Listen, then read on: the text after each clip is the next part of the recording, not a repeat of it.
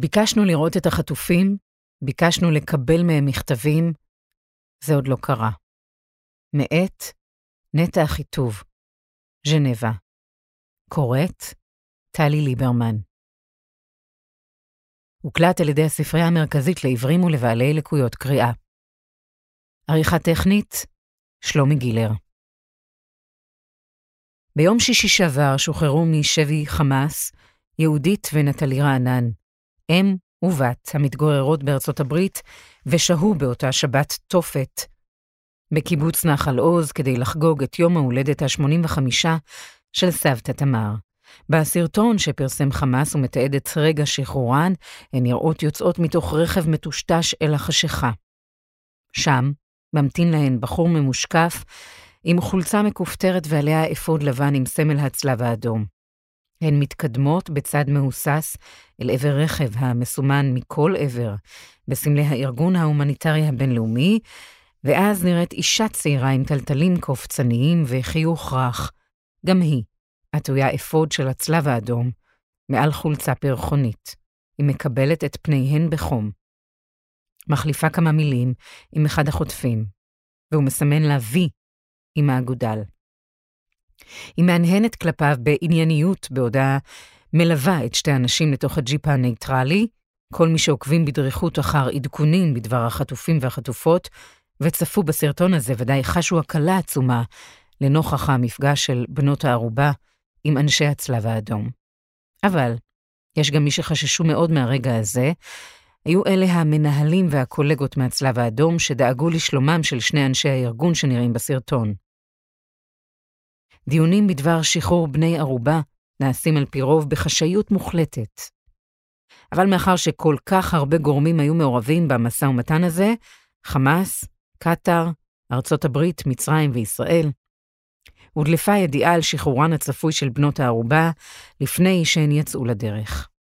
זה ממש סיכן את אנשינו שם, וגרם לכל התהליך להיות הרבה יותר מסובך מכפי שהוא היה אמור להיות, אומר על ההדלפה פבריציו קרבוני, מנהל מחלקת המזרח התיכון בוועד הבינלאומי של הצלב האדום, בשיחה עם מוסף הארץ השבוע.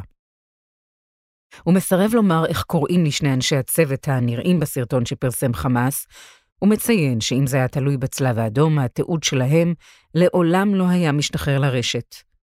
חשוב לצלב האדום לשמור על פרופיל נמוך, ולדאוג לשלומם ולביטחונם של אנשיו, הוא מסביר.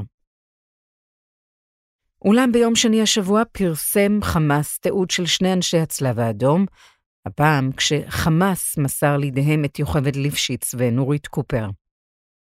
קרבוני מספר ששני אנשי הצוות הללו מתגוררים בעזה זה זמן מה, כחלק ממשלחת של הצלב האדום במקום. לצד תושבים עזתים רבים, גם הם נאלצו לעזוב לפני שבועיים את דירת המגורים שבה שוכנו בצפון רצועת עזה בעקבות ההפצצות הישראליות. מאז הפינוי הכפוי הם נמצאים במתחם לא בטוח במיוחד, לצד עזתים רבים שאיבדו את בתיהם.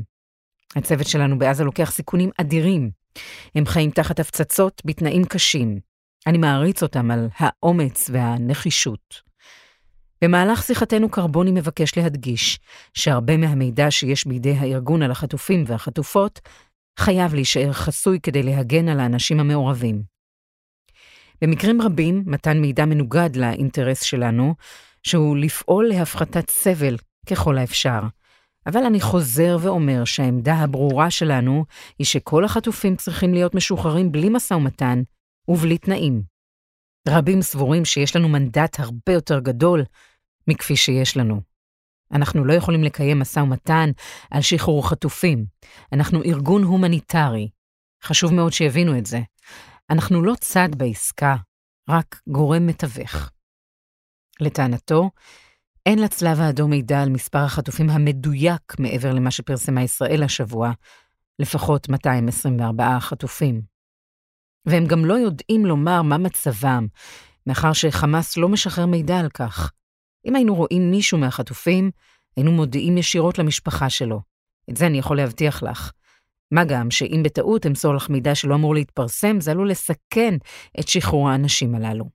במקביל לפעילות בעזה, אנשי הצלב האדום בישראל פועלים במשרדים בירושלים ובתל אביב, ועורכים רישום של החטופים והחטופות, מתוך מידע שנמסר להם על ידי המשפחות, כדי להיות ערוכים למקרה שתהיה אפשרות לבקר אותם, או להעביר מסרים מהם ועליהם. קרבוני מציין שמיד עם היוודע העובדה שבעזה מוחזקים בני ערובה, אנשי הצלב האדום פנו באופן ישיר לאנשי חמאס. אמרנו להם שלקיחת בני ערובה היא מעשה לא חוקי, ושאנחנו מצפים מהם להתייחס לאנשים שברשותם בכבוד ולהגן עליהם. מובן שביקשנו גם גישה אליהם כדי שנוכל לחלוק מידע עליהם עם המשפחות שלהם, אבל לא קיבלנו. ביקשנו גם שיאפשרו לבני הערובה לשלוח מכתבים לבני המשפחה שלהם, אבל זה עוד לא קרה. חשוב לי להדגיש שבמונחים הומניטריים, אנחנו מתייחסים למשפחות של בני הערובה כאל קורבנות. גם להן יש מימד הומניטרי של סבל בל יתואר, מתח ואימה. זו הגישה הרשמית של הצלב האדום. לכן, חלק מהעבודה שלנו הוא ניהול ציפיות. זה אכזרי כלפי משפחות החטופים להפיץ שמועות לא מדויקות. אני כן יכול להגיד שאנחנו לא מפסיקים לשאול, לא מפסיקים לבקש לראות את בני הערובה. האם אתה יכול לומר משהו על החטופים הישראלים מתוך הניסיון שלך עם חטופים במקומות אחרים בעולם? כל מקרה של בני ערובה הוא סיפור בפני עצמו. אני כן רואה סביב הנושא של בני הערובה בעזה הרבה תנועה, הרבה יוזמות למצוא פתרון ולשחרר אותם. אני לא יודע אם זה יצליח, אבל זה יותר ממה שאנחנו רואים במקרים אחרים של חטיפות. אני אומר את זה וחושב על סודאן, מיינמר, תימן, שם אנשים פחות דיברו על חטופים וחטופות, או אפילו ידעו שיש שם סיטואציה כזאת. הייתי שמח להגיד משהו מהניסיון הרב שלנו בנושא רק כדי לתת ביטחון, אבל בכנות, אי אפשר לדעת. יש משהו אחד שאני כן יכול להגיד מהניסיון שלנו במקומות אחרים. כששוחחתי עם בני ערובה ששוחררו, רבים מהם אמרו שמה ששמר עליהם חזקים הוא הידיעה שבחוץ אנשים מחכים להם ודואגים להם. הכוח של האנשים בחוץ שמנסים לפתור את הסיטואציה הוא בעל משמעות גם עבור המשפחות וגם עבור החטופים. מה אתה יכול לומר על הילדים החטופים?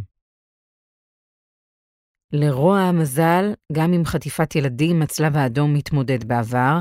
לי באופן אישי מאוד קשה עם הנושא הזה. אני אבא בעצמי, והעובדה שילדים משלמים מחיר כל כך גדול על מלחמות של מבוגרים, היא בלתי נסבלת.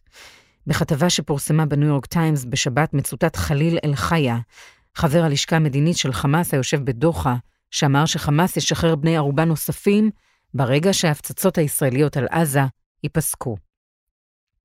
עוד הוא אומר שם כי חלק מהחטופים והחטופות מצויים בידי קבוצות מיליטנטיות אחרות, ושחמאס זקוק לזמן נטול הפצצות מהאוויר כדי להבין מי נמצא בידי מי. באותה כתבה מצוטט בכיר מאחת המדינות המעורבות במשא ומתן לשחרור החטופים, מחזק את דברי אל-חיה, ואומר כי גם הוא סבור שחמאס מעוניין בהפסקת ההתקפות הישראליות על עזה, גם כדי לאפשר להם לאסוף מידע על כלל החטופים, ושבאופן עקרוני הם מוכנים לשחרר את האזרחים שבידיהם תמורת הפסקת ההפצצות, אבל לא את החיילים והחיילות. אותם הם יהיו מוכנים לשחרר רק בתמורה לשחרור אסירים ביטחוניים מבתי הכלא בישראל. קרבוני מסרב להגיב לדברים הללו ישירות כדי לא לסכן ולו קמצוץ סיכוי לשחרור חטופים. הדבר היחיד שאני יכול להגיד הוא שהמשא ומתן נעשה בשיתוף פעולה ובשקיפות מלאה של כל המדינות המעורבות, כולל ישראל. באיזה שלב אתם נכנסים לתמונה? הצדדים צריכים להסכים על שחרור, ואז הם יוצרים איתנו קשר, הם חולקים את הפרטים היבשים, מי, מתי, איפה, ואיך הם יגיעו לשם. אנחנו בודקים מידע מכיווננו כדי לוודא שזה אפשרי, ושהצוות שלנו יוכל לעשות את זה בביטחון. אבל מניסיוננו, לא תמיד הדברים עובדים לפי התוכנית, ולכן זה דורש מהצוות בשטח הרבה תושייה. אתם מאמנים את הצוותים שלכם למצבים כאלה? אין אימון ספציפי להעברת חטופים מגורם לגורם, כי אנחנו עובדים הומניטריים, לא ארגון שמתמחה בשחרור חטופים. אבל אנחנו כן מוודאים שלעובדים שלנו יש אישיות שמתאימה גם למשימות כאלה. הם צריכים להיות אנשים רגועים, שמוכנים לקחת סיכונים אישיים, בעלי תושייה וכוח מנטלי, לעמוד במצבים מתוחים במיוחד. העיסוק הרב של הצלב האדום עם שבויים החל במלחמת העולם הראשונה. אז נפתחה סוכנות מרכזית לנושא במשרדי הארגון, ואנשיו החלו לראשונה בפעילות של ביקור שבויי מלחמה כדי לוודא שהם מטופלים כראוי, וכדי שהם יוכלו לשלוח אותות חיים למשפחות שלהם. במהלך מלחמת העולם השנייה התרחבה פעילות הארגון גם לסיוע הומניטרי, אך כפי שמופיע באתר הארגון, הם מכים על חטא גדול באותן שנים. בתקופה זו נרשם גם הכישלון הגדול ביותר של הצלב האדום. חוסר הפעולה שלו למען קורבנות השואה וקבוצות נרדפות אחרות. בהיעדר בסיס משפטי ספציפי לכך, תוך שהוא כבול לנהלים מיושנים ומוגבל ביכולתו לפעול, הארגון לא היה מסוגל לנקוט פעולה נחרצת או אף להתבטא בנושא. החרטה על כך הובילה את הצלב האדום להרחיב ולעדכן את שלוש אמנות ז'נבה הקיימות, ולהוסיף את האמנה הרביעית, שקוראת להגן על אזרחי כל הצדדים הנתונים בקונפליקט. השבוע, בהמשך לראיון עם קורבני, נקבע גם ראיון עם נשיאת הצלב האדום הבינלאומי, מריאנה ספולריק, אזרחית שווייץ וקרואטיה, ודמות מוכרת בקרב הארגונים הבינלאומיים, שכיהנה בין השאר גם כעוזרת של מזכ"ל האו"ם. אך ברגע האחרון היא נדרשה למשהו דחוף, ככל הנראה בהקשר של החטופים והחטופות הישראלים, והפגישה בוטלה. אנשי הדוברות הדגישו שכתבה בעיתון ישראלי חשובה לה באופן אישי, שכן היא יודעת כמה סבל חשים עכשיו בישראל בעניין החטופים והחטופות, וחשוב לה להסביר מה ביכולתו של הצלב האדום לעשות, ומה אין באפשרותו ומחוץ לסמכותו. לכן, חרף חוסר האפשרות להתראיין, היא ביקשה למסור את הדברים הבאים. שחרורם של ארבע בנות הערובה מעזה הוא שביב של תקווה. אנחנו, בצלב האדום, מאושרים מכך שהן יכולות להתאחד עם משפחתן לאחר שבועיים של ייסורים. סייענו בשחרורן על ידי הובלת בנות הערובה מעזה לישראל, מה שהתאפשר בזכות תפקידנו כשחקן ניטרלי בין הצדדים הלוחמים. יש צורך בדחיפות בפעולות הומניטריות נוספות מהסוג הזה, כדי שניתן יהיה לאחד עוד משפחות, שכן אנשים רבים עדיין מחכים נואשות לחדשות על יקיריהם. אנחנו קוראים לשחרור מיידי של כל בני הערובה, וכל עוד הם מוחזקים בשבי, אנחנו קוראים לאפשר להם לקבל סיוע הומניטרי וטיפול רפואי. יש לתת להם הזדמנות ליצור קשר עם משפחותיהם, שכן משפחות המופרדות מיקיריהן סובלות ייסורים. המחויבות שלנו לעזור לאנשים שנחטפו היא בלתי מתפשרת. קרבוני מבקש להוסיף שהמזרח התיכון מעורר בו הרבה רגשות קשים והרבה אמפתיה. אני עצוב על כל החטופים ועל המשפחות שלהם. אני עצוב גם על האזרחים הלא מעורבים בעזה. ראיתי כל כך הרבה כאב בעבודה שלי. ואי אפשר, ולא צריך לדרג אותו. אני יודע שזה קשה לראות את הכאב של הצד השני כשנמצאים תחת מתקפה וכשמרגישים מאוימים. וכאן בדיוק נכנס החוק הבינלאומי. הוא לא נועד שיישמו אותו כלפי חברים שלנו, אלא כלפי האויבים שלנו. זה קשה, אני יודע, אבל זו המהות של הומניות. ספולריק וקרבוני נפגשו בשבוע שעבר בז'נבה עם קרובי משפחה של כמה מהחטופים הישראלים.